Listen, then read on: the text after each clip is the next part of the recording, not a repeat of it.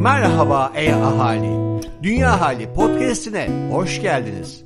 Burada sadece iklim krizinden değil, havadan, sudan da konuşuyoruz.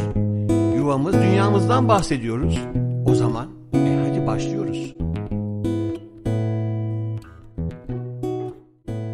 Merhaba dünya ahalisi, ben Ayşe Margosyan.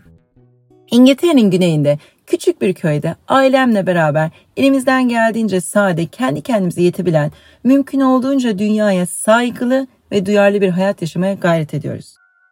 Ne mutludur ki bir süredir dünya ahalinde yazdığım yazılarla sizlere ulaşmak bana kendimi eve dönmüş gibi hissettiriyor. Yaşamda alacağımız kararlarla, yapacağımız tercihlerle gelecek bizim elimizde. Ve bu hafta Gelecek Bizim Elimizde isimli kanalımda günlük alışverişimi yaptığım küçük bir dükkandan bahsedeceğim sizlere. Küçük farkındalıkların geleceğimizde büyük etkiler yaratması dileğiyle keyifli dinlemeler.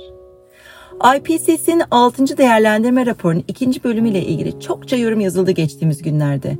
Raporla ilgili bilgilendirici detaylar için Profesör Doktor Levent Kurnaz'ın Dünya Ahalinin 55. sayısına yer alan Uyum ve Riskler yazısına göz atabilirsiniz. Rapor bir kere daha bize artık kaybedecek hiç vaktimizin olmadığını gösterdi. Bir an önce alışkanlıklarımızı değiştirip geleceğimizi kurtarmalıyız. Yapabileceğimiz o kadar çok şey var ki belki nereden başlayacağımızı bilmiyoruz. Belki de ilhama ihtiyacımız var. Yaşadığım köye yakın kentlerden birinde genç bir kadın girişimci tarafından 2020 yılında hayata geçirilmiş küçük bir sıfır atık dükkanı bana alışkanlıklarımı nasıl değiştireceğim konusunda ilham oldu. Bahsedeceğim bu değişimler umarım sizde de aynı etkiyi yaratır. Sıfır atık faktörleri İngilizce'de kısaca 5R kuralı olarak bilinir.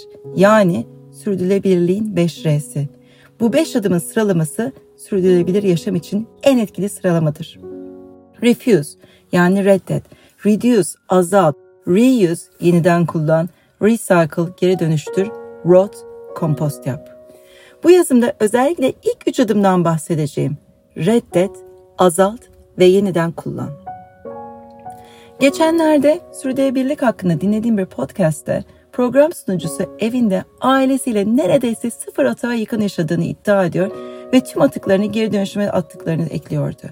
Ancak bu sıralamayı benimsediğimizde aslında bunun sıfır atık yaşama çok uygun olmadığını, geri dönüşümün son çare olduğunu görüyoruz. İlk adım ihtiyacımız olan dışında tüketimi reddetmek olacaktır.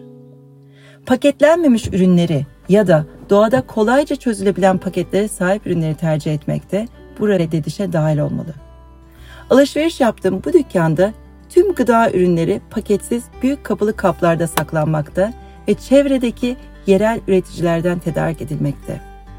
Ben makarna, pirinç, bakliyat, kuru meyve gibi ürünlerden ihtiyacım olduğu kadarını yanımda götürdüğüm kaplara doldurarak satın alıyorum. Sıvı yağ, yulaf sütü gibi ürünleri de yine tekrar değerlendirdiğim cam şişelere dolduruyorum. Poşet çay kullanmaktansa sıfır atık dükkanından aldığım çay yapraklarını bez poşetlere koyarak sallama çay olarak tüketiyorum. Böylece bu bezleri defalarca kullanabiliyorum. Hem yerelde desteklemek hem de aldığım ürünlerin tedarikçisini bilmek istediğim için burayı tercih ediyorum. Tüketicilerden gelen yoğun talep üzerine yakın geçmişte her bütçeye uygun Asta gibi büyük market zincirlerinde de bu tip yeniden doldurma uygulamaları başladı. Dünya çapında bilinen Whole Foods marketler zinciri ise çok uzun zamandır paketsiz, güvenilir gıda ürünleri satıyor. Ülkemizde de sıfır atık dükkanları yavaş yavaş çoğalmakta. Ama biz zaten çarşı ve pazarlarımızda aktarları ve yerel gıda üreticilerinin satış noktalarına kolaylıkla ulaşabilmekteyiz.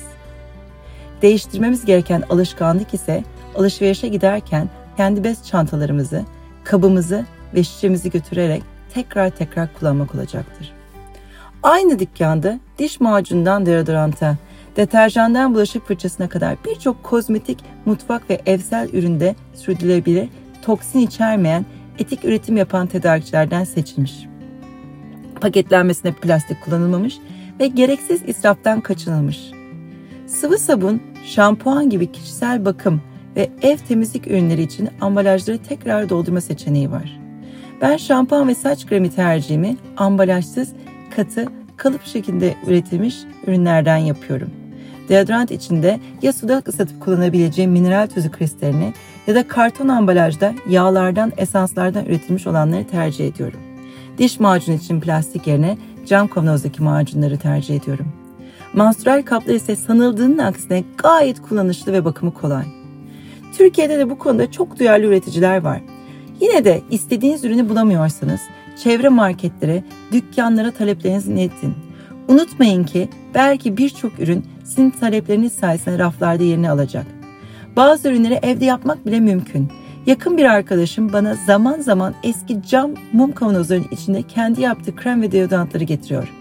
Tarifleri internetten bulduğunu, biraz da kendi deneyimlerini kattığını ama asla zor olmadığını söylüyor. Bu dükkanla ilgili benim için en önemli özellik ise ürünlerin hepsinin İngiltere'de üretilmiş yani yerli malı olması. Peki bu size de bizim çok uzun yıllardır zaten milletçe bu zihniyete sahip olduğumuzu hatırlatmıyor mu? Birinci Dünya Savaşı sonrasında oluşan ekonomik darboğazın ardından toplumsal tutum bilincinin oluşması amacıyla 1923 yılında Atatürk Başkanlığında İzmir İktisat Kongresi toplanmış ve yerli malların üretilmesi ve kullanılması kararlaştırılmıştı. 1946 yılından itibaren ise yerli malı haftası kutlanmaya başladı. 80'lerde ilkokula gitmiş biri olarak o dönemde okulların bu haftaya nasıl önem verdiğini ve sürdürülebilir bilincin oluşması için tohumların daha küçük yaşlarda ekildiğini çok net hatırlıyorum. Sürdürülebilirlik için en önemli adım ürünün nihai alıcıya ulaşana kadar tedarik zincirindeki her adımın yerel tedarikçilerden oluşması olacaktır.